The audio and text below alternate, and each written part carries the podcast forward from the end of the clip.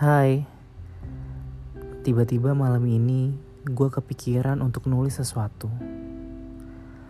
Tapi sebenarnya udah terlalu banyak tulisan yang ketumpuk gitu aja di notes handphone gue tanpa pernah gue share. Jadi kayaknya ini adalah waktu yang paling tepat untuk gue mulai podcast. So, this is my territory.